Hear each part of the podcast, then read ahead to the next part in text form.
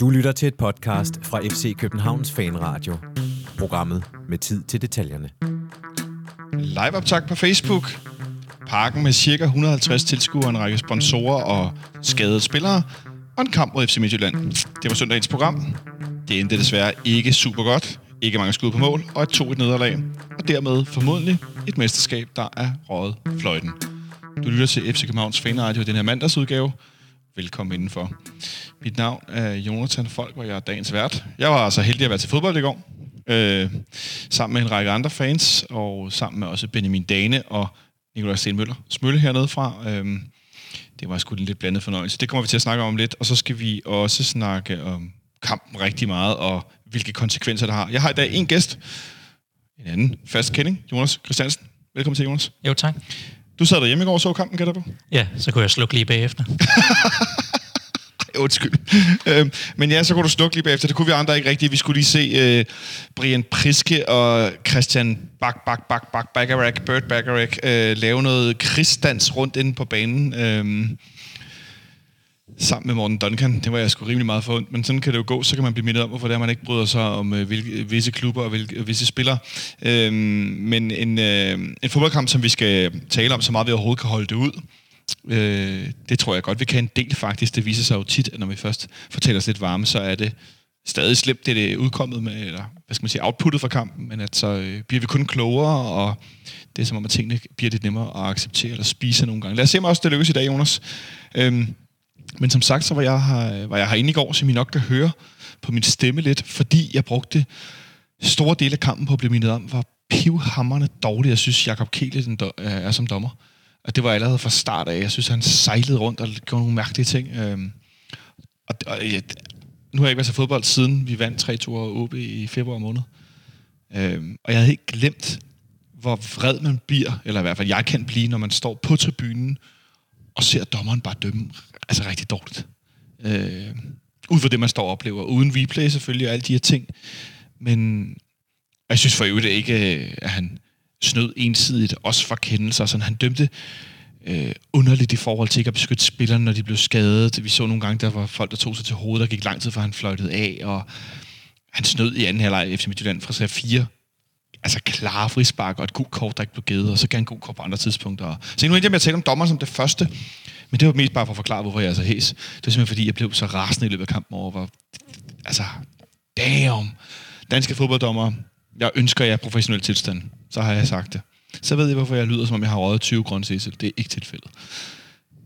Ryger du cigaretter, Jonas? Nej, det, Nej, det gør du Nej, din stemme lyder Men øh, ja, man kommer også hurtigt til at råbe lidt af også fjernsynet. Men altså, jeg, jeg har også, altså, nu ser man jo nogle kampe hjemmefra fra, fra stuen, og så har jeg også min, min kæreste, der tuller lidt rundt, men hun, hun får også efterhånden, efterhånden spurgt nogle gange, Hvorfor er de alle sammen så dårlige? var det FCK-spiller i går, eller øh, Ja, dommerne og øh, FCK, og jeg tror bare, hun reflekterer lidt ved, at jeg sidder og mumler øh, øh med min krydsede arme.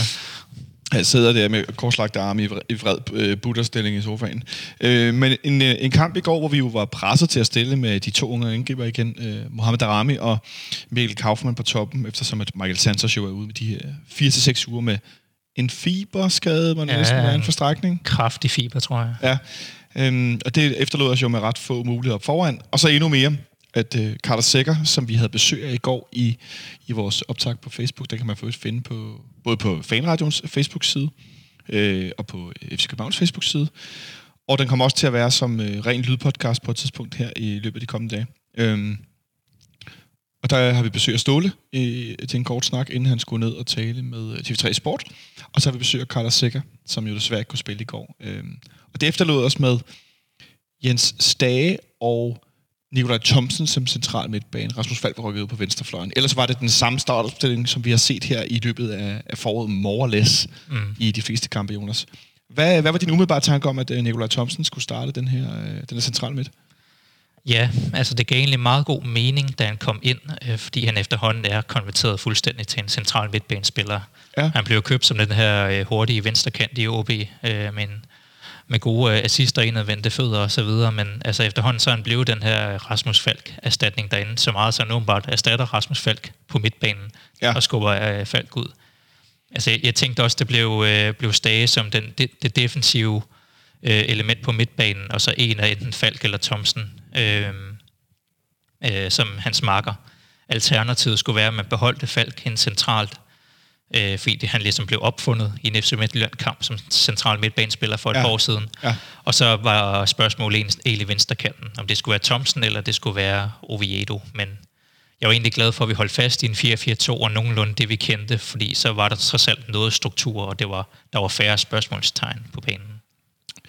Ja, og så øh, er det vel også et spørgsmål om at holde folk nogenlunde i position, så, så, så muligt man kan i forhold til, hvor de helst skal spille, øh, tænker jeg også. Og øh, Nikolaj Thomsen har vel mistet den her fart, han, man skal have i benene for at kunne spille den her, den her øh, fløjspiller, øh, eller vinkbak, eller hvad det nu er, ikke? Ja, lige præcis. Altså, det, det bliver lidt mere øh, to sidestillede otter, kan man sige, der kan lidt fremad og lidt bagud, øh, snarere end, end Carlos Sikker, som jo altså, dækker hele det defensive selv, og så kan man have tre-fire kreative midtbanespillere øh, ved siden af ham. Øh, der er vi nødt til at gå lidt tilbage til noget af det klassiske 4-4-2-taktik, øh, øh, ja. når vi er uden ham. Hvordan synes du, vi, øh, vi greb kampen an så? Jamen, det gik jo ikke særlig godt i starten af kampen. Øh, jeg synes ikke, vi var særlig gode til at komme rundt om FC Midtjyllands pres. Altså, de har den her øh, ret offensiv øh, femmands midtbane øh, med en masse spillere, der kan lidt af det hele. Øh, og de får presset øh, vores, øh, vores spil ret langt ned. Altså, for vi ender ofte i første halvleg med de her øh, fem mand, altså Kalle Jonsson og bagkæden, der bare står og spiller lang bold op. Ja. Altså, det er som om, vi bare tager konstante målspark, og så håber vi, at af en eller anden årsag, at Kaufmann og Darami kan vinde den kamp mod øh, Svirchenko og Scholz. Og det går jo som man nok kunne gætte, ikke øh, sønderlig godt. Er jeg for hård, hvis jeg tænker, at det er for nemt at lukke ned for os, når vi ikke har en angriber, der kan vinde, lad os sige, minimum 50% af duellerne, eller øh, modtage bolden og lægge den af, øh, at presse os til en lang aflevering, enten fra Bakken, fra Bjelland, eller for øh, Kalle Jonsson, frem mod de her angriber, som Midtjylland godt ved kan vinde bolden. Er det for nemt at presse os så langt tilbage, til vi skal lave den aflevering? Øh, ja, lidt, fordi vi får slet ikke brugt vores midtbane. Altså, vi spiller bare hen over den. Og det er egentlig det, som, øh, det, er det, som man kan låse FC Midtland op med, som vi også sagde i anden halvleg, at man kan spille igennem deres pres. Og det, øh, det er det, vi mangler i første halvleg, fordi at en, en Jens Dage øh, ikke er hurtig nok til lige at vende og, eller sætte en mand. Det kan, det, sådan en type spiller er han ikke. Eller en, øh, man, vi har sådan en, en Pierre Bing, som, som ikke rigtig tør den fremadrettede aflevering, så den kommer hurtigt bagud, når vi forventer over i den side. Og så må vi også sige, at, at Mikkel Kaufmann ikke, han mangler lidt i teknikken øh, stadigvæk til ligesom at kunne tage den her rolle. Ja. Og det vi især mangler, hvis vi skulle spille på den her måde, det er øh, Darmen Døje, ikke så meget på grund af hans nærkampsstyrke, men mere den her positioneringsevne, han har ja. til ligesom at søge væk fra midterforsvaret og, og få den enten den ene eller den anden side. Ja. Øhm, og tvinge FC Midtlands forsvar til nogle, øh, til nogle valg. Det, det gør vores angriber ikke rigtig i går. Nej, der er Døj, han sad inde på midten af tribunen sammen med Seca og Fischer, og øh, han så heller ikke, øh, hvad skal man sige, han så ikke udtalt tilfreds ud. Så det, det, det er svært at se på afstand, men øh, de tre her, de fik godt nok kløet sig noget i håret undervejs, og som de fleste af jer lytter nok kender, så det der, hvis man ikke kan øh, udtrykke sig diplomatisk om, at man synes noget er skidt, så får man nogle gange pillet sig lidt i ansigtet, eller kløet sig lidt i håret, eller sådan, og sådan, så de, sådan så de stort set ud af alle tre, jo længere tid der gik. Øh, Lars øh, Rønbø har lagt nogle meget fine billeder på, på Twitter med vandværk på, hvor man kan se, at, øh, at de sidder sådan og hænger lidt med hovedet det, op på tribunen der. Det er, det er også meget sigende, at tre spillere, der øh, i, i klar form med garanti var startet ind i kampen i går, at de, de sidder der på tribunen, og øh, for mig er det næsten det, det, det tydeligste symbol på, på forskellen, blandt andet på, på midtbanen i går, at øh, der er altså nogen, der skal spille, de sidder deroppe. Ja, og det, det har jo, det har jo e- været en af de sådan underliggende større temaer øh, i de senere uger omkring FC København. Det har været de her øh, skader. Øh, Ståle og, og selv som fans har jo hivet det frem hele sæsonen som ligesom vores undskyldning, forklaring, og vores, øh, vores modfans og modspillere og modtrænere pointerer jo ligesom, at det er jo ikke deres skyld. Øh, det bør vi nok til at kigge indad, hvis vi, skal, vi skal, hvis vi bliver ved med at bruge den forklaring. Men det er jo klart, at der, der er noget, der ikke fungerer, når vi har 4-5 sp- øh, stamspillere ude konstant. Øh, og jeg tror, noget af det er, kan man med rette, rette kritik mod klubben, og noget af det er uheld. Det, er, det ligger lidt i, i blandingen af de to ting.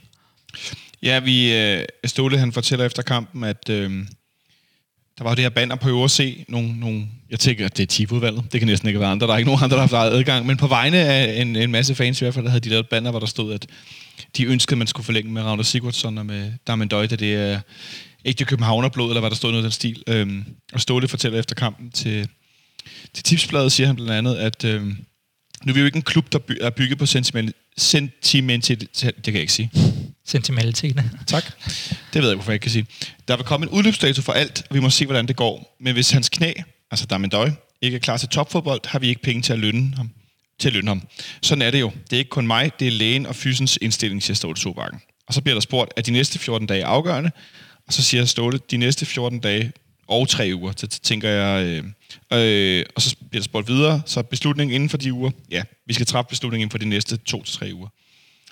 Øhm, og det er jo selvfølgelig interessant, øh, at man kan også sige, at vi i virkeligheden har hængt rigtig meget af vores håb og vores forventning og vores tro på, at vi kan vinde på en angriber, der er til sidst i sin karriere, som så nu viser sig at være lige ved at stoppe med at spille. Øhm, bagklogskabens lys har det med at være uendelig klart, men det har det også med at være en smule øh, umodigt i forhold til, at man siger noget på forhånd. Men det er svært for mig ikke at tænke, at vi blev lidt for tynde i øh, vinterpausen. Nu hentede vi Mikkel Kaufmann ind, men han er trods alt 19 år gammel, og øh, det ene og det andet.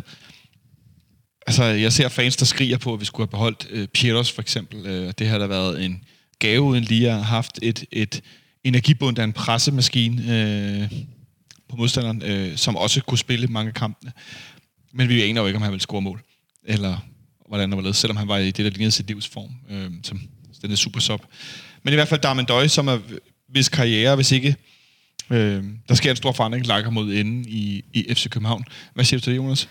Jamen altså, jeg, jeg er jo egentlig enig i Ståles betragtninger. Altså, vi må jo prise os lykkelige for, at vi hæver Darmen Døj hjem som en nødløsning i, i sommeren for to år siden. Altså ja. en 33-årig senegaleser i, der havde Trabzonspors ophold lidt for meget på, på CV'et til, at det egentlig var så interessant. Han spillede lidt venstrekant og, og var lidt langsom og så videre. Men er jo kommet tilbage og, tilbage og scoret hvad, over 50 mål øh, på de par år, der har jeg ja. lyst til at sige. Øhm, har været en kæmpe figur og også kæmpe stadigvæk i, i omklædningsrummet og har virkelig taget det her lederskab. Ja. Øhm, så det er jo lidt det, der spiller ind. Altså, det, er, det er jo... Øhm, man skulle signe ham for øh, et halvt år mere, eller hvad det skulle være, for ligesom at have ham i omklædningsrummet og have ham, hvis han kan blive klar til den her afgørende spiller. Ja. Men det har også øh, det har den her, hvad kan man sige, opportunity cost, at skulle bruge hans lønkroner på ham, som kunne blive brugt andet sted, eller bruge hans, øh, det at man bygger et hold op omkring ham, og så han lige pludselig er skadet igen. Og væk, øh, fordi han er 35, og så stopper du med at spille? Ja, ja, altså så går der fem uger sæson, og så er han skadet, ja. og hvem skal man så satse på? Skal det så, ender vi så igen øh, til august med at skulle spille? Skal det så være Santos? Øh, skal det være Vind? Skal det være Kaufmann? Hvad er det egentlig, man gerne vil? Hvad er det, ja. hvad er det egentlig, man gerne vil bygge hen imod? Ja, og Jonas Vind har lige været skadet også i, i utrolig lang tid. Vi kommer til at tale om ham øh, om, om lidt selvfølgelig, eftersom han kom ind i kampen i går. Øhm, men det var ligesom for at, at nævne, nu sad de der på tribunen, og det her, det er, det er status på, på den ene af dem. Øh, Karl er sikkert var klart ærgerlig over ikke at være med. Jeg tror, at han har haft rimelig meget grillet noget for at spille kampen i går, og jeg savnede der ham i mange dueller, hvor at, øh, i hvert fald ikke, hvis ikke den næstbedste, så er det PT den bedste centralmidtbanespiller i Superligaen, Frank Onieke. Han gjorde stort set, hvad der passede ham med et stort øh, fysisk overskud.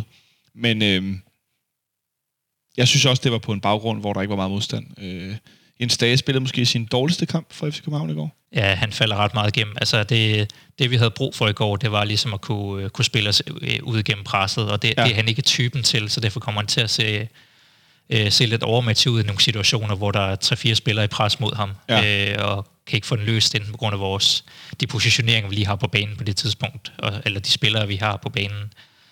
Øh, og der, det er der, hvor vi, vi, har, vi har jo talt om tidligere, vi, har, vi er lidt fanget mellem to spillestil. Halvdelen af holdet er de her lidt vævertyper, der er gode pasningsspillere og kan sætte en mand, og halvdelen af holdet er sådan nogle øh, lidt hurtige powerspillere, der er gode til at løbe lige ud. Og det er vi lidt fange øh, imod, så når vi har en PBL og en Varela, der kan kombinere, men så lige hvis en hen til Stage, der er bedre til at brage ind i en mand, øh, så passer det ikke så godt. Og så kommer vi over på den anden side af banen, så har vi en, en Bjelland, der kan spille sammen med, med Falk eller Thomsen, og så lige ryger ud til Bengtsson, der ikke ved, hvad han skal gøre med bolden, og så ryger den i en, øh, en Thomas Christensen aflevering tilbage i banen. øhm, det er der, hvor vi fangede, øh, og det er der, hvor det bliver så meget bedre i anden halvleg, fordi kontrasten bliver så stor. Ja. Vi sætter Jonas Vind ind og rykker Darami ned, så vi har fire boldspillere på midtbanen, og Jonas Vind som det her midterlink mellem angrebet og midtbanen. Og så går det lige pludselig meget nemmere, og SU Midtlands spillere bliver lidt intimideret og bliver trykket ret langt tilbage, fordi de lige pludselig kan se, at deres pres ikke virker. Og det er der, hvor der kan man så tydeligt se forskellen, i hvert fald i kampen mod SU Midtland. Risikoen er jo så stor, at vi kan få angreb imod, når vi spiller med så meget offensivt. Ja. Men det er ligesom det, når SU Midtland er så ekstreme i deres, øh, i deres powerspillere, så er vi ligesom nødt til at gå full on i, øh, og, og så have nogle boldspillere på banen, der kan spille udenom det. Men når vi ender lidt på halvvejen, med nogen, der kalder det det ene, og nogen, der kalder det det andet, så, øh, så går det i stå, øh, og så bliver vi fanget i det her pres. Vi bliver fanget i noget pres, og øh, Jens Dage, han får relativt tidligt i kampen et, øh, et gult kort. Øhm, en situation, hvor at, jo, der er nok gult kort, og så kunne der være noget gult kort inden. Og det er sådan lidt det tilvalgte med Jacob Kelit, at det, øh, man ved aldrig helt, hvornår det første gule kort kommer, og det er som regel for noget, noget, hvor man tænker, hvorfor har du ikke allerede givet et eller to til, det kunne lige så godt være til os, der kunne have fået to gule kort, og så får modstanderen pludselig et. Det, det, øhm. det er som regel, øh, når det ene hold har fået en, øh, en påmindelse omkring et eller andet, skulle det lige til at falde til ro, så er det typisk det næste frispark i kampen. Uanset hvilket hold det er, der så ja. får det gule kort, så må man jo have hørt efter, hvad det andet hold fik at vide. Ej, um, ej, jeg skal ikke snakke for meget om Jacob Giel, kan godt mærke. Det er en dårlig plan. Jeg vil hellere tale om, at øh, det gule kort, Jens Dage har, er jo så som jeg ser det tydeligt årsagen til, at han trækker sig i den her situation øh, før FC Midtjyllands 1-0-mål. Mm. Fordi hvis han ligger under ned ude ved, ved linjen, så, øh, så får han rødt kort. Ja. Øh, jeg har faktisk ikke fundet frem til nu, om Jens Stab var skadet, til han blev pillet ud, eller om det simpelthen var rent taktisk. Jeg forestiller mig, det var taktisk. Både på, altså, Ståle siger, jeg tror det er pauseinterviewet øh, med Ståle, det der 30, 30 ja, ja, sekunder med bolden, at det, det er simpelthen fordi, han er for hæmmet i spillet øh, af det gule kort. Så det er det gule kort, så det er taktisk den måde? Okay, ja. at han øh, vil, vil ikke kunne spille fuldt ud. Nej, det er jo også noget råd, hvis han så går ind i, i starten af anden halvleg, og så trækker et, øh, et gule kort nummer to, og så står man der. Ja. Så en første halvleg, jeg ved, altså jeg ved nærmest ikke, hvad jeg skal sige, det er, det var en, øh, en overmatchning øh, af flere årsager, blandt andet fordi vi, de presser os til at spille med de her lange afleveringer op til Darame og til, til Kaufmann, som slet ikke er i stand til at, øh, ja, at tage imod bolden til at gøre noget. Og så skifter vi så over i pausen til at spille med øh, Rasmus Falk og øh, Nikolaj Thomsen centralt. Mm. Øh, jo, var det ikke sådan, det var? Nu bliver jeg jo, og så der ramme ud på venstre kanten. Der ramme ud på venstre kanten, og så Vind og, øh, og Kaufmann på yes. toppen. For det første synes jeg, det var altså, det var nærmest lettende at se Jonas Vind komme ind på banen. Og øh, der, var, der var ikke bare sådan, ja, nu kommer der en spiller tilbage fra et skade. Og der var, selv blandt de få tilskuere, vi var, var der kæmpe stor glæde over, at han kom ind. Og så må jeg jo sige, at... Øh, hold kæft, var han god. Mm. Altså, han har ikke spillet fodbold i ja, nærmest et år. Øh, 10 måneder, er det vel? 9-10 måneder. Ja, siden der, øh, slut august. Og der går, der går ikke lang tid, så har han sådan en, en yderside tæmning med bolden, hvor han lægger den ned til sig selv og afleverer den ud til siden, og så løber frem i banen. Og jeg blev helt... Oh, altså, han er, er, jeg, jeg, nu er jeg helt i tvivl om, om Vind er blevet... Øh, han er blevet 21, Er han blevet 21, ja. ja. Men for sake 21, 21 blev han i, i februar måned. Hold kæft, hvor han god. Og det er ikke bare fordi, han er opvokset i FCK, og han er søn af Per Vind og de her ting, men han er bare, altså, han er bare helt grundlæggende virkelig god. Præcis, og han, han var jo i gang med en vildt god sæson der i starten af sæsonen, hvor han scorer en 5-6 mål på de der ja. tilsvarende antal kampe. Og han lignede så en, der skulle til at have sådan en Robert Skov-sæson, inden han, øh, han gik helt øh, han gik ja. i stykker der. Øh, og han viser jo, hvorfor han, han nåede lige præcis at blive sådan en katalysator for hele vores offensiv. Det her med, at han trækker ned i mellemrummet, ja mellem midtbanen og angrebet, forvirrer, mod, øh, forvirrer forsvaret fuldstændig. Og så har han så meget teknik, at han kan, han kan vinde rundt på den der sekser, eller hvad det er, der kommer op og støder på ham. Øh, så han simpelthen ødelægger den defensive gameplan for, for modstanderen. Det er det samme, som Santander gør, bare med bedre teknik. Og den spiller, den, vi har ikke en erstatning for ham. Så prøvede man at gøre det med Niklas Bentner i en kamp mod Brøndby, og det fungerede ikke. Nej, det skulle jeg så sige. Øh, men det har vi manglet, og det er også altså det, det er noget af det, vi kan se, der, altså, der kunne have været i sæsonen med ja. Jonas Vind, og det, det har været forsvundet. Og der skal vi altså håbe på, at han kan, han kan holde kroppen klar op, og, og knæene klar, og, og hvad det er. Fordi det, det er altså det, der skal til, øh, hvis man vil spille på den her måde, vi er begyndt at spille på de senere år. Kunne man forestille sig, øh, tage det et lille skridt siden her, kunne man forestille sig, at hvis vi kigger, hvis vi kigger frem mod et, øh, et transfervindue på et eller andet tidspunkt her senere hen, at man i virkeligheden øh, godt kunne finde på at søge en, en angriber mere, som har den her øh, de, de her egenskaber i sit spil, fordi det øjensynligt er så vigtigt for os, og med, med tanke på, på Jonas Vinds alvorlige knæskade og så videre, så han, han kan jo ikke spille alle kampene. Øh, på et eller andet tidspunkt skal han jo også have pauser. Hvis vi så spiller med nogle angriberstyper, der er helt anderledes, så har vi nu set, hvad det gør ved vores spil. Øh, så tror du, man kunne forestille sig, at man leder efter en, der kan det samme? Ja, man kan, man kan gøre flere ting. Enten så, øh, så prøver man at købe en, der kan lidt af det samme, eller også så øh, i de kampe, hvor han ikke er tilgængelig, så skal man øh, smide en, en fish ind der som hængende angriber. Ja. Eller tage en Darami, der er så ung og omskole om til at gøre lidt af det samme. Men så mangler vi jo fysikken igen. Og det er det, vi har set, at selvom at, øh, den unge Mikkel Kaufmann han har en masse fysik, så har han jo, han er også en, hvad skal man sige, en spiller til længderetningen. Han er jo ikke en spiller, der stiller sig med ryggen til at modtage bolden. Nej, nej, altså Kaufmann, han skal være den, øh, den der er længst fremme. Altså ja. han skal være i en døje-positionen. Ja. Så det, det, vi snakker om, det er den ved siden af. Øh, og det er der, hvor det er sådan lidt underligt at have sådan en type som Michael Santos midt i mixet, der kan noget helt andet, og ikke rigtig passer til nogen af de to. Ja. Er han fejlkastet? Santos? Er det, det, jeg hører dig sige det lidt som, som den altså større, hvad skal man sige, øh, fodboldtekniker, du i virkeligheden er, øh, langt mere end mig i forhold til sådan rent øh, fagligt, at er han sådan i virkeligheden fejlkastet? Øh, jeg tror lige nu, det fejlkaster du mig som fodboldtekniker. Men, øh, ikke, ikke med bolden, Jonas, med, med, med kigget på spillet. Ja. Jeg tror, der skete et eller andet der, hvor vi hav, skaderne havlede ned i løbet af halvanden uge i, i august, ja. hvor man ligesom tog toppen af ens transfer, øh, ens shadow-liste fra, øh, fra forrige år. Ja. Øh, fordi jeg kan ikke helt se, hvordan Michael Santos passer ind, med, man spiller ham i nogle bestemte kampe mod nogle bestemte modstandere. Ja. Og igen, så tror jeg, at han passer bedre igen som den her forreste angriber. Altså en døje Kaufmann position, men ja. skal, skal noget andet end, end, de, end dem. Ja, og omvendt så ser vi jo, han, altså, så scorer han mål i, i nogle kampe, hvor man ikke lige regner med det. Og, ja, jeg, jeg er stadig ærgerlig over, at han ikke lige får pandet den der ned i hjørnet ude i Brøndby. Det var godt nok tæt på, at den lige uh, sig ind forbi Save. Øh, øhm, det gider ikke være mere rundt i. Så hvis, en første halvleg, som øh, der er det talt ikke meget med at tale om. Det er længe siden, jeg har set dig spille så dårligt en første halvleg på, øh, på hjemmebane. Det skulle da lige være mod, øh, mod Horsens øh, tidligere øh, i den her sæson. Vi kommer langt bedre med i spillet i anden halvleg. Allerede fra starten af synes jeg, det ser øh, mærkbart øh, bedre ud. Øh, og vi står sådan, jeg stod på tribunen ved siden af, ved siden af Benjamin og, og Smølle, vi havde lavet det her Facebook-video. Øh, og det, lige fra starten af var vi sådan lidt, okay, så skal vi, så skal vi, så skal vi nipse. Altså nu skal vi kombinere. Nu er det med Pep Bjeller, det med Darame, det med Thompson, det med Falk.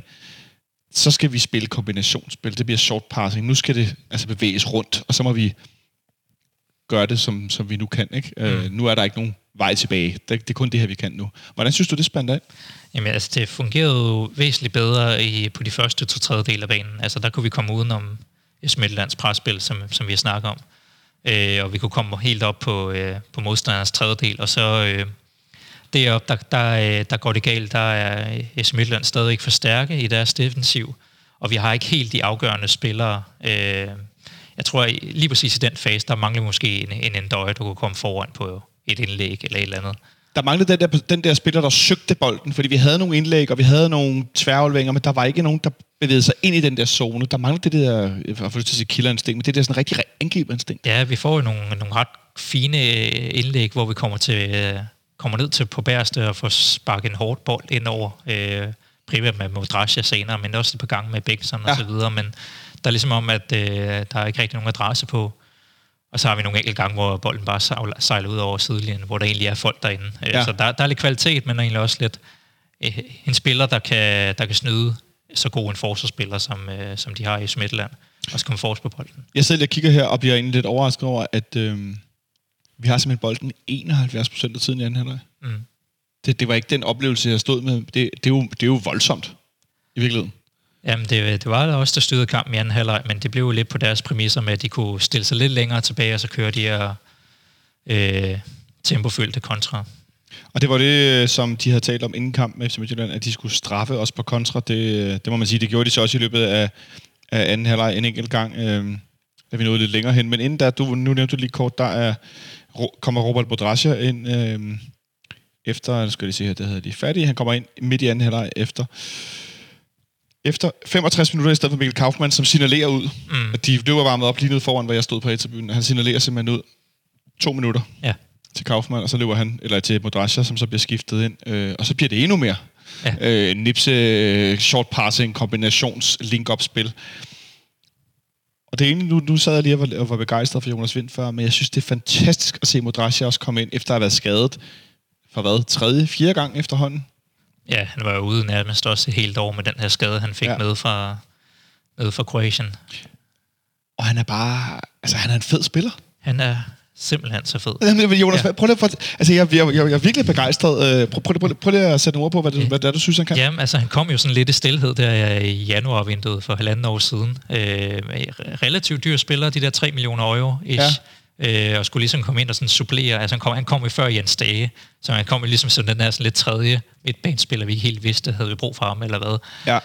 Øhm, men altså, vi kan jo se både i de indhop, han havde i slutningen af efteråret, blandt andet mod Brøndby, øh, og, og andre gange, hvor han kan det her med, at lige så, så tager han bare bolden og driver med den. Ja. Han, han gør noget andet. Han, øh, han går ind og, og bryder lidt øh, rytmen i det, ved at gøre noget uforventet. Og ja. hold op, hvor har vi brug for at gøre det.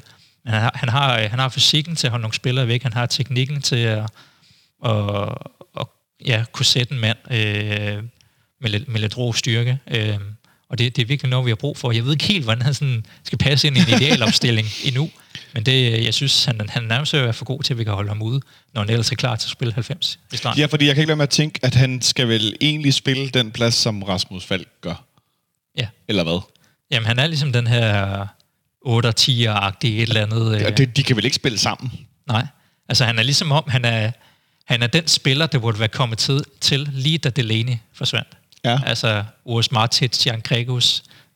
Ja, typemæssigt var Ja. han, er han mere sådan, ikke? Ja, der, der, i det hold, der passer han perfekt lige der. Ja. Øh, så har vi så fået Falk ind og har det her Falk Siga-samarbejde, som jo er spidsen-klasse. Øh, men han kan jo også godt spille en kant, når det er. Så det er egentlig meget fint, at vi har nogle... Altså nu vi snakket lidt om, om trupper og skader, og, så det er godt at lidt bredt, der kan nogle spillere, der, ja. Der kan noget lidt forskelligt. Og man har nogle, øh, nogle af de her skakbrikker, man kan flytte lidt rundt efter modstanderen. Så det, det er jo godt at have sådan en spiller. Jeg kan ikke lade med at tænke også, at, øh, at det er jo interessant, når Falk spiller den centrale midtbane, i forhold til, at han, det her mellemrumspil, vi taler meget om, at han kan falde ned og øh, eller øh, rykke op i mellemrummet, og så modtage bolden og vinde med den.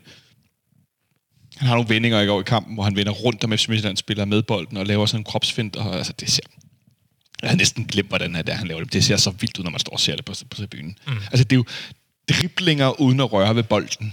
Det er i sig selv sådan helt... Øh, Varela, han har også den her træd over finte, hvor han laver sådan en ups, og så stopper han i virkeligheden og spiller bolden tilbage. Ja. Han laver nogle gange, ikke? Altså, det, det, det er meget fascineret af, det med at drible uden øh, at røre ved bolden. Det synes jeg er... Øh, det, det vidner i hvert fald om høj fodboldintelligens. Han kommer ind på banen, og vi presser i endnu højere grad og får presset Midtjylland tilbage, men der kommer ikke rigtig noget output. Øh, primært gætter jeg på, fordi at vores angriber ikke kan, kan, simpelthen, altså, kan, kan komme i de rigtige positioner over for Svirchenko og Alexander Scholz i går i kampen. Men øh, vi kommer ikke frem til det helt store.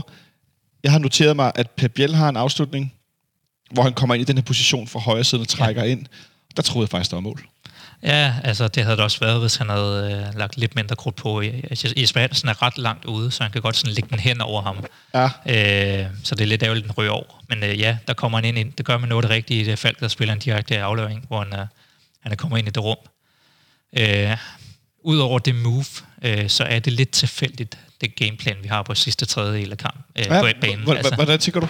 Jamen, vi har, øh, når vi ligesom har det her, de fa- samme spillere, vi spiller med, og øh, der rammer Kaufmann lidt af outclassed af, af forsvarsspillerne, så, øh, så som om, at vi ikke helt, vi har ikke de der sådan mønstre, de der sådan typiske mønstre, som spillerne kan lægge sig op af. Jeg tror også, det er derfor, at der er nogle af vores indlæg, der, hvor vi kommer i gode positioner, der er spillere i feltet, men bold, ja. bold og, og løb passer ikke til hinanden. Det er ligesom om, at altså der, der er vi ikke endnu som hold med nogle af de her spillere, der ikke har spillet så meget sammen, der ligesom ved lige præcis, hvad der skal ske.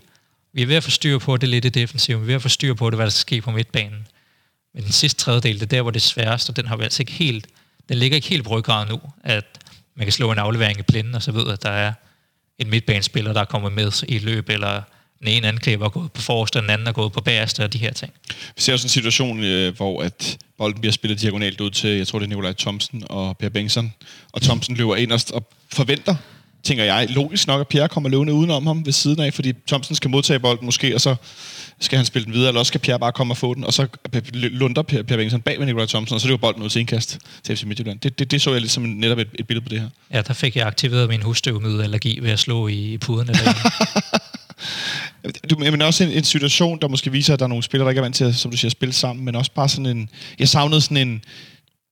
Altså, hvis du skal, hvis du skal tro på, at Bengtsson kommer løbende, så kig. Ellers så, så, altså, så tag bolden. Så, så, så ikke grib med hænderne, men så øh, gå ind og styr bolden, gå ind og styr spillet. Tag ansvaret i, at det er dig, der går på bolden. Og så kan Pierre Bengtsson få den, eller også kan du lave den her lille vending ind i banen, og så lave et indad, øh, øh, indadskruet indlæg, eller lægge den tilbage, eller hvad ved jeg. Men bolden må ikke bare få lov at sådan ikke noget. Nej, nej. Altså, og så netop have sådan et, altså vi ved, vi gør enten det her eller det her. Ja. Øh, og det var måske lidt det, uh, Thompson spiller egentlig, uh, fylder egentlig rollen fint ud, at han kan nogle ting på bolden og sådan nogle ting, men han, han manglede lige sådan at, at tage kampen til sig og gå ja. aggressivt efter en bold. Uh, der var han lidt for forsigtig i går. Vi øh, bliver også nødt til at skifte ud, det der er drikkepause. Det er der efter 70 minutter, der øh, bliver der fløjtet til ja, lad os kalde det vandpause. Der, altså, det var ikke det her hedebølge, vi har haft i sidste uge. Øh, der var der ikke koldt ind i parken, men der blæste lidt vind og sådan lidt. Det var ikke sådan super varmt. Jeg tænker selvfølgelig, har det været varmere at spille fodbold på professionelt niveau, men det var ikke sådan, at jeg stod og, og svedte på nogen måde. Øh, der ligner Andreas Spiller, en, der har fået en forstrækning. Det ligner han godt nok. Øh, jeg tænkte først, at det var krampe, han lå med, men så kunne, man, kunne vi godt se fra tribunen, at åh, det ser ikke så godt ud. Øh, og så gik han ud, og Papagenopoulos kom ind, så øh, med mindre at øh, de stive forsvarsben, de bare skulle have lidt ro, så øh, lignede det endnu en skade. Ja, det har han godt nok ikke været øh, særlig heldig med, eller dygtig nok til at få opbygget. Altså, det, det kan jo tydeligvis ikke holde. Altså, han, han har haft fem kampe i streg i den her sæson, og det er ligesom maksimum, så går han ud. Ja, det, og jeg ved, der er mange, der efter Bjelland, især efter den her episode i Brøndby, men, men jeg, jeg synes godt, man kan prøve at kigge på, hvor mange kampe han rent faktisk har spillet. Og den her historie med, at han aldrig spiller sådan noget, den er voldsomt overdrevet. Øh, det har klart været dårligt denne sæson i det sidste, men i sidste sæson spillede han godt nok mange kampe. Øh, ja, han spillede, han spillede hele sidste sæson, øh, og så, og så det er som om, han har mistet et eller andet i sit spil efter de her mange skader. Ja. Øh, jeg tror lidt, han mangler at få sådan en øh, Pierre Bengtsson... Øh, sådan en øh, revolu- altså sådan en tankegang om, at han kan ikke alle de ting, han plejede at kunne ja. for et par år siden. Altså, vi har set Bengtsson, han, øh, han begynder at stoppe op, og så spiller han bolden tilbage, når han godt ved, at han ikke kan sætte en mand. Ja. Og det, det er lidt det samme, at Bjelland, han skal, han skal få ind i sit spil, øh, når han tager nogle af de her dueller, hvor øh, modstanderen løber forbi, forbi ham, og han så føler sig retmæssigt skal have et frispark, fordi der er nogen, der løber forbi ham, eller et eller andet. Øhm. Er det ikke også et problem for Andreas Bjelland, at vi begyndte at spille med en, øh, en højrestående bagkæde og hastighed, eller fart, acceleration er jo ikke lige hans spidskompetence, men han bliver også udstillet, fordi vi spiller anderledes, end vi gjorde for eksempel sidste år. Ja, og det er jo, øh, det er jo, det er jo gameplan nummer et for modstanderen hver gang, de her høje bolde ind over vores bagkæde. Øhm, så der, der er et eller andet, der ikke helt spiller der. Også fordi han er aldrig rigtig når at komme ind i relationerne. Vi har jo set den her sæson, så har Victor Nielsen kommet ind og spillet samtlige kampe, og vokset sig ind til at være den her... Øh, leader by example i, i forsvaret. Øhm, og der, der så vi i store dele af sæsonen, at der, der var det svært ved at spille sammen, hvem skal være lederen i det her forsvar. Øh, der har det fungeret det bedre, da Papagiannopoulos var inde, og Nielsen ligesom var, var generalen, ja. eller da Ragnar Sigurdsson var inde i et par, par kampe mod Celtic. Øhm, og så er det egentlig virket til, at de har fået okay aftalerne på plads her i starten af foråret efter corona. Øh, men så det dur ikke, hvis han skal være ude øh, en gang imellem. Øh, og så der hele tiden er, er nogen inde i det der. Ej, det, det er lidt noget råd. Øh, vi får jo klart med øh, Andreas Spilland øh, noget til vores opspil, nogle diagonalafleveringer og noget ro på bolden nede bagfra, som vi mangler, især også når Nikolaj Bøjlesen jo nu stadigvæk ikke er med. Øh, nu er det lidt inde på Pierre Bengtsson. Man, man ved jo altså, hvis bolden bliver spillet ud på ham i en lidt pressituation, så ved vi godt, så får den et, øh, et hak op ad banen. Nogle gange er der retning, nogle gange er der ikke. Det er lidt alt efter... Øh, situation og tidspunkt og så videre. Øhm, men der mangler lidt noget, noget fodbold for, for, den, for den bagerste kæde, når Bjelland ikke er med. Øhm, I hvert fald, når, når Bøjelsen heller ikke er. Så, så jeg synes på nogle punkter, det har været rigtig fint, at han har spillet, fordi det giver os noget, nogle dimensioner der. Men Papagenopoulos kommer ind i går øh, og gør det jo egentlig, synes jeg, sådan okay. Øh, lige indtil vi når øh, frem til fem minutter før tid, og øh, så ved jeg ikke, hvad han laver. Nej, han står og vinker lidt til sin offside-marker derude, linjedommeren. Og det, det, som jeg har set det i, i replay, så er der ikke offside. Nej. Øh, og så løber Lasse Vibe igennem, og chipper på fornød vis bolden hen over en, en fremstormende Kalle Jonsson, og så står den 2-0, og så ved vi jo godt, hvad klokken den er. Det vidste vi jo nok godt allerede lidt i forvejen, vil jeg sige. Men så ved vi i sandhed godt, hvad klokken er slået. Øhm, men det er vel også, nu ved jeg godt, at det er noget tid siden, at Papagenopoulos har spillet, for at sige det mildt. Men øh, det er vel også øh, noget af det, det handler om, at det er noget uopmærksomhed og nogle ting. Jeg kan jo egentlig godt lide ham, men, men der, der mangler bare noget. Ja, altså det, det, er jo, det er jo en klar fejl fra hans side, fordi jeg tror, det er Mabil, der får bolden og får lov til at stå i to, to og et halvt sekund med bolden, inden han spiller den der stikning til Lasse Vibe. Ja. Så der skal, der skal Papagianopoulos simpelthen få styr på den offside-linje. Øh, hvis han er bagerste central, jeg ved, ved ikke, hvem der lige styrer den, om det er Nelson, der, der er lidt frem, eller hvad det er, men han skal i hvert fald ikke ligge som den bagerste der. Nej, det, det er rigtig skidt. Og så er kampen mere eller mindre lukket. Øhm, FC Midtjylland laver et par udskiftninger, og så gør vi, hvad vi kan til sidst for at presse alt over hovedet, og det ser egentlig ud som om, det er lidt tabt. Og øh, på mærkværdig vis for Jakob Kielis kun lavet fire tillægsminutter på trods af vandpause og to-tre gange krampe eller skadesbehandling. Og øh, der er sågar øh, otte udskiftninger i anden halvleg. Øh, hen over en masse pauser. Det er kun to af dem, der er på samme tidspunkt af Midtjyllands. Mm. Men alligevel får han kun lavet fire minutter. Det er imponerende i sig selv. Jeg tænkte sådan 5, 6, 7 minutter havde været helt logisk, men ja, det der med tillægsminutter, det, ja, det er tit noget mærkeligt noget at forstå. Så får vi alligevel scoret på vores...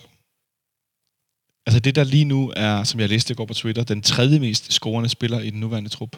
Det er selvmål. Det er selvmål. Det er vel også ret sigende for den nuværende situation i offensiv. Ja, altså det er jo... Øh, optimisten vil sige, det er jo godt, man kan presse modstanderen til at gøre det, men øh, pessimisten vil nok sige, at øh, det siger lidt om, øh, om de øge angribers øh, øh, held, i, øh, held i skoen, eller hvad man siger. Så er Paulinho scorer selvmål, og så er det jo svært ikke at tænke, er der lige, er der lige mulighed? Skal, skal vi lige udligne? Skal vi lige tage røven på dem? Og lige spille uafgjort, og så er der stadig et, altså en fli af negl af håb ude på kanten af, af eksistensen i mesterskabsspillet. Men øh, vi får nogle hjørnespark efterfølgende og lidt, og, men der kommer ikke det store ud af det. Det er jo ikke lige der, vi har størst mulighed for at presse efter Midtjylland. Nej, ja, det, vi, vi har en enkelt der med Papagianopoulos, der får en helt, lidt noget jorden og lidt forbi. Øh, ja. Men et, ja, jeg, jeg tror, øh, det er nok et, et færre resultat, må vi sige efterhånden. Altså, vi, vi var ikke gode nok til at få, øh, få, få skabt de der de store chancer, øh, eller presset. Overhovedet, vi har øh, 0 skud på mål i kampen. Ja. Det har jeg ikke fået googlet mig frem til, hvornår vi sidst har haft på hjemmebane 0 skud på mål. Men øh, jeg kan umiddelbart ikke komme på en... Øh, en jeg tror, det, tror desværre ikke, det er så, så længe siden igen, som vi nok ville håbe. Også på hjemmebane? Ja, det tror jeg. Ej, men, men det ringer også en lille klokke. Jeg, jeg, jeg kommer sådan til at tænke på, om det var mod, om det var mod Slavia Prag. Det ved jeg ikke, hvorfor jeg har sådan en... Øh... Nå, det er der helt sikkert nogen, inden jeg overhovedet når øh, at være kommet hjem og sætte mig på sofaen, så er der nogen, der har trykket klik på det, det vi sidder og siger lige nu. Og så er der nogen, der skriver. Det er der altid, og det er fedt. Fordi det er derfor, at Ja, det er derfor, at det, det er fanradio, og det ikke er ekspertradio, så har jeg slået det hele op. Ikke fordi jeg ikke vil have, have facts, men fordi at, øh, vi kan ikke huske det hele altid, og det er lige præcis det her, øh, det her I andre kommer ind i billedet også. Ja. For da, vi har gjort det, på, det tror jeg, du har ret i. Øh, men lige hvornår det er, det kan jeg simpelthen ikke komme på. Men så vi ender med at tabe 2-1 til stor jubel for øh, Team Messe Center derovre. Øh, og det kan jeg sådan set godt forstå. Nu, er de, øh, nu skal de simpelthen få otte skader, og jeg ved ikke hvad for ikke at vinde mesterskabet. Det må vi sige. Det er... Øh, det er sejlet. En man of the match i går. Kan vi, og kan vi overhovedet kort efter sådan en kamp? Øh, jeg vil gerne give en Rasmus Falk. Altså, ja. Han var... Øh, i, i, I sin egen statur var han outstanding. Øh, især da han får anførerbenet. Ligesom om han, han vokser og tager kampen til sig og, øh, og driver hele, hele vores pres og hele vores, øh, vores de bølger angreb, vi får ned til den sidste tredjedel her. Ja. Øh, så det, den ros vil jeg gerne give ham. Øh, der ligger nok ikke øh, københavner i den stille Fynbo der. ja, det må man sige. Han spiller en imponerende anden halvleg, synes jeg især. Øh, en anden halvleg, hvor vi, vi presser ikke Midtjylland i bund, men vi er i hvert fald bedre end i første halvleg. Det synes jeg da trods alt var opløftende. Øh, og så var det opløftende at se Jonas Vind og Robert Modrasja komme ind og spille, og jeg formoder også klart, at de spiller, øh, om ikke fra starten den ene af dem, så i hvert fald øh, dele af vores næste kamp i, i næste weekend. Øh, jeg, kan ikke, jeg kan ikke forestille mig andet. Nej. Det, øh, hvor vi skal til Aarhus. Aarhus. Ja. Så øhm, En øh, noget trist fornøjelse, selvom jeg var inde og se fodbold. Det i sig selv var også en øh, underlig omgang at stå over på A-tribunen, spredt rundt med blandede fans. Og vi havde sponsorer og ejere siddende inde på midten, øh, nogle, fod- nogle spillere og folk fra, fra klubbens stab. Det giver god mening, at til, til sådan en topkamp var der selvfølgelig nogen, der skulle ind og kigge. Øh, øh, Erik Skærbæk og vores administratør Lars Bo Jeppesen og så videre sad selvfølgelig derinde og kiggede med. Det forstår man godt. Øh, om et øjeblik, Jonas, så tænker jeg, at vi skal kigge lidt øh, på øh, sådan det, det nuværende status, og hvordan vi ligesom kan bevæge os øh, videre med, øh, med resten af sæsonen. Thanks for tuning in to FC Copenhagen Fan Radio. You're listening to Atiba Hutchinson. Men lille hilsen fra en midtbanespiller, vi godt kunne brugt i går. Hans lange ben havde jeg ikke haft noget imod at have besøg af. Til at pille en bold eller to. Så øh, tænker jeg, at vi kan prøve at lave lidt status her i resten af, af mesterskabsspillet. Vi skal som sagt til, til Aarhus på søndag. Et AGF-hold, som har været rigtig godt kørende. Lige indtil, at de pludselig på mærkværdigste vis vil, valgte at tage på hjemmebane til OB. Det var meget mærkeligt. Det, jeg ved ikke, om de har et kompleks mod dem. De tabte jo også øh, ret stort i pokalen, eller de var ved at lave noget comeback-agtigt, men OB kan de i hvert fald ikke lige håndtere. Og de var, var de bagud 3-0 til det, o- ja, OB i pokalfinalen? Ja, og så kom det op på 2-3. Ja, det var sådan, det var, ikke? Eller 2-4 eller sådan et eller andet. Men øh, jeg, jeg tjekkede også lige, altså de, de, de mangler også en del spillere i kamp mod OB. Nikolaj Poulsen var i karantæne, og de har Amini, Bundu og Bachmann øh, skadet, øh, så de, de mister, de har også nogle mand ude. Og jeg ved ikke, hvad, hvad status egentlig er med dem i forhold til København-kampen. Øh, det må vi se. Men det gør ikke noget, at de mangler tre af deres bedste spillere. Nej, det må man sige. Øh, Carl Sikker er jo tilbage fra karantæne, heldigvis. Øh, så mangler vi formodentlig Andreas Bjelland nede i forsvaret. Øh, men Jonas Vind mod Drasjal i spil i hvert fald til noget. Og jeg håber, Jonas Vind starter ind. Også fordi, at de to angriber på toppen, de, de to unge, har simpelthen spillet for meget. og de trænger til, at der kommer noget andet ind også. det kan godt være, at Vind kun kan være indskifter, så må han være det. Men der er i hvert fald nogle muligheder i spil. Det ser jeg frem til det er AGF på søndag, så har vi om torsdagen efterfølgende. Nu bliver det rigtig kedeligt, Jonas. Hvis Midtjylland vinder deres næste kamp, og de så vinder over os om torsdagen, så bliver de matematisk mester, når vi spiller mod dem. Det gør de. Ja, det er super nedtur. Jeg skal også have fat i fjernbetjeningen. Ja, så skal du sagt med se mig nu at stoppe den stream, før at der er nogen, der siger, ah, Midte! Øh. Ej, øh, sådan er det jo. Der spiller vi op om øh, torsdagen efterfølgende, øh, så det bliver lidt frem og tilbage til Jylland i øh, den weekend og næste uge. Og så har vi jo allerede der i Midtjylland, så når vi frem til det her med, at der må være tilskuer til nogle kampe efter nogle regulativer, hvor mange der nu må være, men der kommer nok til at være en, af mit bud, 2-4.000 tilskuere i Herning til den kamp. Øhm, og så spiller vi jo Derby den 12. om søndagen herinde. Det er fra den 8. juli, må der være i en eller anden grad, de skal finde ud af, hvordan der var. Jeg, jeg ved ikke helt, hvad det ender med, men der må være tilskuer herinde igen. Så næste gang, vi spiller på hjemmebane, det er øh, søndag den, øh, den, den 12. juli kl. 18 hvor jeg håber, der kommer til at være et sted omkring ah, optimistisk 8-12.000 tilskuere i parken. Hvordan man fordeler det her med sæsonkort og sådan noget, det skal jeg slet ikke begynde at øh, begive mig ud i. Men øh, er vi lidt ude i, Jonas, at nu, altså selvfølgelig handler det altså om at vinde alle kampe, bevares. Men det er noget med at vinde derby. Det er noget med at sikre, at vi ikke, undskyld mig, fucker det helt op, og AGF kommer helt tæt på. Øh, kan du prøve, kunne du prøve, altså du fik jeg sat delmålene nu, eller Ja, altså det er... Jeg tror, øh, nu har vi jo så lidt det, man kan kalde, øh, hvis Midtland vinder mesterskabet, så må vi bruge det her som sådan en lang preseason. Altså ja. opgaven nummer et er simpelthen at få spillet, for at finde ud af, hvad vi gerne vil i spillet, og hvad for nogle spillere, der skal være stammen ja. på næste sæsonshold. Ja. Øh, Ståle snakker lidt omkring de her, øh, de her to kampe mod AGF, for at holde dem bag os. Øh, så de er også resultatmæssigt vigtige, og så den her Istanbul Basaksehir Ja, den sidder her og kigger øh, kamp, på, der kommer på i, i slutningen. Ja. Som vi har som øh, 6. august. Øh, vi spiller den sidste kamp mod FC Nordsjælland øh, den øh, 26. 7. 26. juli, og så er allerede den 6. august. Jo, det er jo lige bagefter. Ja. 14 dage efter, cirka. Så, eller det er jo ikke engang 10-12 dage efter, så spiller vi allerede igen. Øh, hvor det bliver hen, ved vi ikke nu. Jeg frygter, det bliver i Tyskland uden tilskuer. Øh, må jeg nok indrømme. Ja, så må vi vinde turneringen dernede, og så kommer Champions League der. du sindssygt, men så dør jeg af lykke. Øhm, hvis vi vinder Europa League, er du sindssygt, så det, det, det, ved, så ved jeg ikke, hvad vi skal gøre. Så har jeg brugt min ferie, det er noget lort. øhm, men øhm, så der er jo ikke så lang tid imellem, så der er jo i virkelig noget at spille sig hen til den her kamp nu, fordi at der er der ikke nogen tvivl om, at mesterskabstoget det er kørt til, hvor fanden ligger Herning. Mm. Øhm, så der er nogle kampe, vi kan bruge, bruge som nogle fikspunkter. Øh, Aarhus ude på søndag allerede. Den vil være rigtig god at vinde i forhold til, at så er der slet ikke noget råd med AGF bag ved os. Øhm, selvfølgelig kunne det være fint at udsætte FC Midtjyllands mesterskabsfest. Den er mig ingen forhåbning om. PT må jeg nok indrømme. Vi har vundet, hvad er vi nede i? Øh, tre ud af de sidste 11 mod FC Midtjylland. Mm. Eller noget af den stil, tror jeg. Brøndby hjemme skal vi vinde for enhver pris. Øhm, så har vi AGF hjemme også. Den, den, den anser jeg heller ikke som værende så farlig igen. Vi er trods alt bedre herinde, end vi er på, på udebane. Og, og OB ude, det må vi også kunne vinde, fordi at OB er dårlig. Men der har vi også problemer med at ja, spille. Ja. Det, det er meget flot. Det har virkelig været dårlige mesterskabsslutspil for vores side. Det er alle dem, vi har komplekser imod. Øh, der, der, er ikke sådan et, der er ikke et Esbjerg eller et Horsens i år, vi, Nej, og så, øh, så slutter vi hjemme mod, mod, mod FC Nordsjælland den 26. Nu nævner du Esbjerg Horsens, så bliver jeg nødt til at øh, kigge tilbage på sæsonen, og så nævne, at vi blandt andet har tabt på hjemmebane til Horsens. Ja. Det er tre point. Så taber vi i Hobro, hvor Sten Grydebus tror, at han skal være sweeper tidligt i kampen. En forfærdelig oplevelse. Jeg ved godt, jeg har nævnt før, jeg var derovre, og det var frygteligt, men jeg vil godt nævne det igen. Oh, det er tre point, det er seks point. Så taber vi 1-0 i Esbjerg. Det er også tre point i en forfærdelig forestilling også. Tænk en gang, Jonas. Mm. Det er ikke tophold. Det er ikke mesterskabs slutspils, mesterskabsspils hold.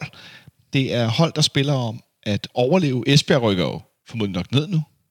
Øh, de var foran 1-0 mod Hobro i går, kom foran 2-1. Hobro overlever formodentlig, skal ud i noget kval. Øh, Esbjerg rykker direkte ned. Vi skal jo ikke smide mesterskabet, undskyld mig, uanset hvor mange skader vi har, skal vi jo ikke smide det mod bundholdene. Nej, og det, og det er jo der, hvor der er et eller andet, der ikke spiller i den nuværende trup. Altså det, at vi får de der over to point i snit, som Ståle engang regner sig frem til den gamle struktur. Ja. Øh, og hvor vi har øh, Martin Langeergaard, der virkelig hed nogle, øh, nogle sejre hjem til os øh, på mentalfronten øh, ja. og så videre, men kontrasten er jo slående til et hold som FC Midtland, som har en fuldstændig stabil defensiv kerne. De har ved, hvem der skal spille på alle nøglepositionerne, ja. og de har et voksen hold. Altså, der, øh, der kan man jo se vores egen sæson, der har vi jo ikke haft det der mesterskabshold. Nej. Vi har, vi har i løbet af sæsonen, så har vi haft spørgsmål på hele holdet. Ja. I starten af sæsonen, så øh, skulle det være Grydebust, eller skulle det være Kalle Jonsen? Der har vi haft duel. Skulle det være Pierre Bengtsson, eller skulle det være Oviedo, efter Bolsen gik ud? Skulle det være Bartolet eller Varela? Skulle det være øh, en skadet Bjelland, eller skulle det være Papagiannopoulos? Så har vi haft uh, Sega, men så har vi haft Stage inden til at spille central midtbane og faldt ude på kanten. Og venstre og frem og tilbage. Ja, skulle det og... være Papiel eller Drami på højre kanten. Ja. Fischer har spillet en del, men har været ineffektiv på målscorefronten.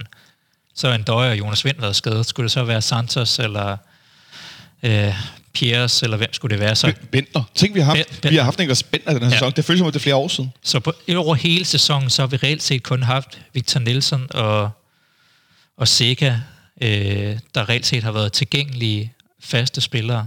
Så, så, så er der kommet nogen under... Kan man tage Kalle med, eller det for... Ja, han kom jo senere. Ja. Men hvis du tager hele sæson, så vi, vi ikke, altså som hele sæson, så har vi ikke haft den der mest, øh, fasttømrede mesterskabshold. Nej. Enten på grund af skade, eller på grund af nyindkøb, der skulle spilles ind, eller unge, der skulle i gang. Ja. Så vi, vi har simpelthen ikke været der den her sæson. Og så kan man så spørge, skulle vi have været det med vores indkøb og vores øh, holdplanlægning? Eller ej? Det, det er lidt, hvor, hvor kritisk man er over for, øh, for staben. Hvordan vil du udlægge det? Ikke ødelægge det, men udlægge det? Øh, lidt som en blanding. Øh, noget af det er uheld. Andre ting, der synes jeg, man skal, man skal rette en kritik af vores, vores planlægning. Nogle gange så har vi været lidt for fokuseret på at skulle finde de her salgsobjekter, som vi, vi køber ind af et projekt. De bliver gode over nogle sæsoner, og vi sælger dem videre for mere profit. Ja. Øh, hvor der har været lidt for mange af de der projekter på banen på samme tid, som hver især isoleret af et godt køb, øh, og som hvis de spiller på et godt FC København-hold, er det et super indkøb. Men hvor det hele har været sammen, så er det ikke fungeret. Øh, så er der nogle gange, hvor vi er uheldige med skader. Altså det der med, at Ståle siger, at vi har, vi har god vilje og gejst i går, øh, men vi er simpelthen for unge og uerfarne til at kunne ja. vinde mod Midtland. Bør vi ikke være det? Altså bør vi ikke være der, hvor vi kan have nogle spillere på bænken, der kan komme ind og være voksne nok til at, at skulle spille lige op med et Midtland hold der synes jeg nogle gange, man har lidt for meget fokus på, på Europa og det her klubopbygning, og vi, vi følger metoden og så videre, og har lidt for meget fokus på, at der faktisk er en modstander, der er bedre end os i ligaen. Ja. Altså man tager lidt for meget for givet, at når de, de falder tilbage til subtoppen på et eller andet tidspunkt, ligesom OB og Nordsjælland og OB har gjort det, når de har poppet op. Nå, de falder nok ned igen. Øh, så, og vi kommer tilbage til vores retmæssige trone, øh, fordi vi har flest penge der synes jeg, man er lidt for meget fokus på, på sig selv og glemmer lidt, at der også er en modstander, der prøver at gøre nogle smarte ting. For, og de har også jo lidt den her klemme mellem, at vi vil rigtig gerne Europa, men de er gode nok øh, herhjemme til at fravestre os mesterskabet, når, når vi kæmper med, med alt andet. De vil jo så også rigtig gerne Europa, men mangler det sidste. Jeg, jeg er lidt spændt på at se, hvis de kan holde på den, øh, på den trupsamsætning, de har nu. Måske endda lægge lidt på, om det kan, kan lade, sig, lade sig gøre for dem. Jeg, jeg, jeg er lidt i tvivl om den der... Øh, og jeg får lyst til at sige, den der tons af fodbold, de spiller, om den kan løfte dem det sidste niveau, øh, ja. med spillere uden så stor international erfaring. Ja, men altså hvis vi ser det hele som et stort spil, øh, Stratego eller et eller andet, så har I Midtland en klar vej til at, ligesom at, at gøre seriøst ondt på os. Og det er, hvis de ikke kommer i Europa, men Benham bliver ved med at smide penge ind, så de kan vinde mesterskabet.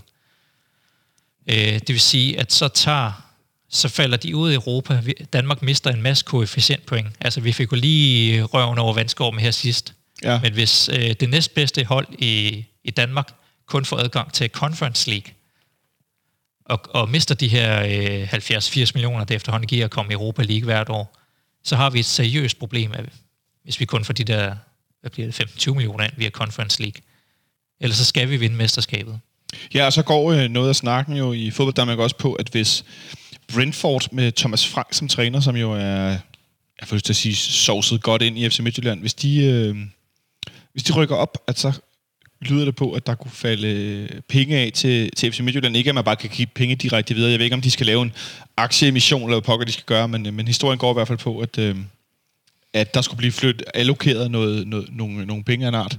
Ja, så skal de blive sådan en slags øh, RB, øh, hvad hedder det, Salzburg til ja. Brentfords RB Leipzig. En, en feederklub af, af en art i forhold ja. til spillere, der kan udvikle sig i FC Midtjylland, og så ryge videre til Brentford. Ja, vores vej fremad er det her tredje, fjerde LaLandia Center, der forhåbentlig kommer, så vi kan få endnu større understøttelse den vej igennem i forretningen.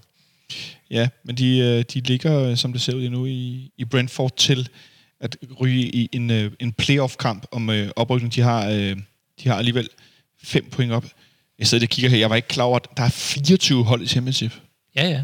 Det er der hele øh, league-systemet. Hold derop. Det er godt nok mange. Spiller 46 kampe hver sæson. Ja, der, der er syv kampe tilbage i Championship, og de har, øh, de har hvad hedder det, fem point op til en eventuel oprykning. Det er godt nok, øh, det er godt nok en voldsom omgang. Ja. Øhm, så et FC Midtjylland hold, som, øh, som presser os på andre måder, end de for eksempel tidligere har gjort i, i Farum, og som de har gjort ude i Brøndby, fordi de har Benham, der putter penge i systemet, så jeg kan da kun krydse fingre for, at øh, Brentford ikke rykker op. Øhm, for vores egen skyld, og fordi ja, vi sidder, hvor vi gør. Så øh, jeg ønsker ikke, at nogen andre pludselig kommer for meget ind på scenen. Kunne man forestille sig, Jonas, også, at, at vi selv øh, skruede op herinde i samme, af samme årsag? Mm, vi er, vi er begyndt at skrue op. Det kan man se i de sidste to regnskaber er markant højere øh, på, øh, på øh, hvad kan man sige, øh, sportsbudgettet eller stålesbudget. Øh, tager væsentligt mere af budgettet, end det har været senere. Så jeg tror, man er sådan lidt øh, stille er begyndt at skrue op, efter Lars Seier kom ind øh, til det her Europa. Men jeg tror, det er fokus på Europa. Jeg tror ikke, det er så meget fokus på FC Midtjylland. Nej. Ej, man vil også altid som udgangspunkt sige, at fokusen skal være på, at man selv kan være så god som muligt. Så må nogle andre gøre noget andet, men, men jeg tænker, at en del af det alligevel er, at nogle andre når en anden klub eller flere andre klubber også skruer voldsomt op, så bliver man nødt til at følge med for at kunne komme til det her Europa. Så det, jeg tænker, at tingene også øh, hænger lidt sammen. Ja, og så kan vi håbe på, at FC Midtland på et eller andet tidspunkt skal sådan lidt, uh, lidt generationsskifte. Svirchenko, Onyeka bliver solgt, uh, Jesper Hansen bliver for gammel. Sådan et eller andet kunne man jo håbe på, at de, de har svært ved at, sådan, at skulle erstatte nogle af deres bedste spillere. Ja. Uh, som vi også ser, at vi selv er nødt til en gang imellem. Det er vi jo desværre. Øhm, jeg tænker også, altså, det, jeg, jeg synes, det er lidt svært at finde ud af her i en tid, hvor vi nærmest ikke engang ved, hvornår det, øh, transfervinduet det, det ligger. Vi ved ikke, hvor lang tid det kommer til at vare. det gør det noget svært at snakke om, om fremtidige transfers, øh, fordi det hele er sådan lidt blandet sammen, og det med det her Europa League øh, slutspil i Tyskland, og øh, Champions League slutspillet i, i Portugal, så er det lidt svært at finde ud af, hvornår der, hvad der er op og ned i de forskellige ligaer og øh, internationalt. Ja, jeg tror, de der markedsdynamik er slået ret meget i stykker den, den her sommer. Øh, I hvert fald. Altså, jeg tror, øh, selvom jeg tror, nogle af de, øh, de største øh, klubber i Europa fyrer garanteret bare løs. Tror, tror du stadig, de gør det? Ja, det tror jeg egentlig. Der, der blev lempet lidt på noget financial fair play-regler og sådan lidt for at få gang i økonomien, eller hvad kan man sige. Men jeg tror, at at det, det brede Europa, der hvor vi også selv hører til, der holder man lidt mere, lidt mere ja. forsigtigt med pengene. Både i forhold til, hvad har det betydet, corona indtil videre, og også skulle der komme en anden bølge i efteråret, eller på et senere tidspunkt, har man ikke lyst til at sidde sådan helt øh, ude på, på kanten af, af sparkassen. Nej, det kan man godt forstå. Ja, spændende bliver det i hvert fald. Det kommer vi selvfølgelig til at tale mere om, når vi kommer mere eller tættere på, og der begynder at være snak om spillersalg og, og, og køb og så videre. Det, øh, det er selvfølgelig interessant øh, at finde ud af, hvad der sker, men øh, jeg håber, vi kommer til at lave sådan en, en transfer deadline day igen. Øh, det er i hvert fald planen. Nu skal vi lige finde ud af, hvornår det er. Det er i hvert fald et meget godt udgangspunkt for... Øh, og selvfølgelig også er det også sjovere, når der sker noget herinde, eller der er noget på, på, på spil. Det er ikke så spændende at sidde i fire timer og tale om eventuelt transfer, når Ståle han øh, kl. 13 sammen, tidligere på eftermiddagen siger, nej, der sker ingenting. Så, øh, så er der ikke meget at komme efter. Øhm, til sidst, Jonas, øh, i går der sætter vi jo Brian Oviedo ind på venstrefløjen. Hvis Brian Oviedo og Pierre Bengtsson, de lavede et band, hvad skulle det så hedde? Øh. Oh, jeg er ikke så kreativ efter sådan en kamp, jeg er helt slukket. Jeg tænker, at de selvfølgelig skulle være den coverversion af Back to Back. øh, og med den øh, lille dårlige joke til dig, kære lytter, så håber jeg, du kunne leve med min onkelhumor. Øh, så tror jeg, at vi vil, vi vil lukke ned for i dag. Vi var nået lidt rundt om den her ærgerlige forestilling i går, og fik kigget lidt fremad. Vi spiller som sagt på søndag mod øh, AGF, en kamp, vi laver optag til senere på ugen. Også selvom det måske ikke er så skægt, når det ser ud som mesterskabet er sejlet. Men derfor skal vi stadigvæk vinde, også i Aarhus. Øh, så øh, indtil da, Jonas, tak fordi du kiggede forbi. Jo tak, og øh, tak til garanteret mange af de andre klubbers fans, som jo også plejer at lytte med til de her øh, udsendelser, når, når der er nederlag. Det er lidt sådan en trend, der er kommet. Det er rigtigt. At man begynder at høre lidt med hos de andre, når øh, der er noget at komme efter. Så beklager, hvis jeg ikke tudede nok, og beklager, hvis vi rent faktisk udkom, når I ikke forventede det, men øh, det kan jeg så godt lade sig gøre, selvom der ikke er nogen producer i dag, og jeg sidder og dobbeltjobber endnu en gang med vores nye mixerpult. Selvfølgelig, så sender vi, når vi kan. Det er ikke Nederland, det handler om bare, hvis nogen har fået den øh, misforståelse ind mellem deres ører. Det er ikke det, det kommer ind på. Så øh, have det godt så længe derude. Vi øh, lyttes ved i nær fremtid. Og så kan jeg se, at der er flere af jer, der her efter corona har været inde og tilmelde jer på, på tier.dk, så øh, vi kan lave projektet her. Det er super, super fedt, og det glæder mig oprigtigt, at der er nogen af jer, der vil med til at, at finansiere, at vi laver den her podcast. Så tusind tak til jer, og tak til alle jer andre, der bare lytter med og kommer med gode input osv. Øh, ha' det godt så længe derude. Øh, vi lyttes ved.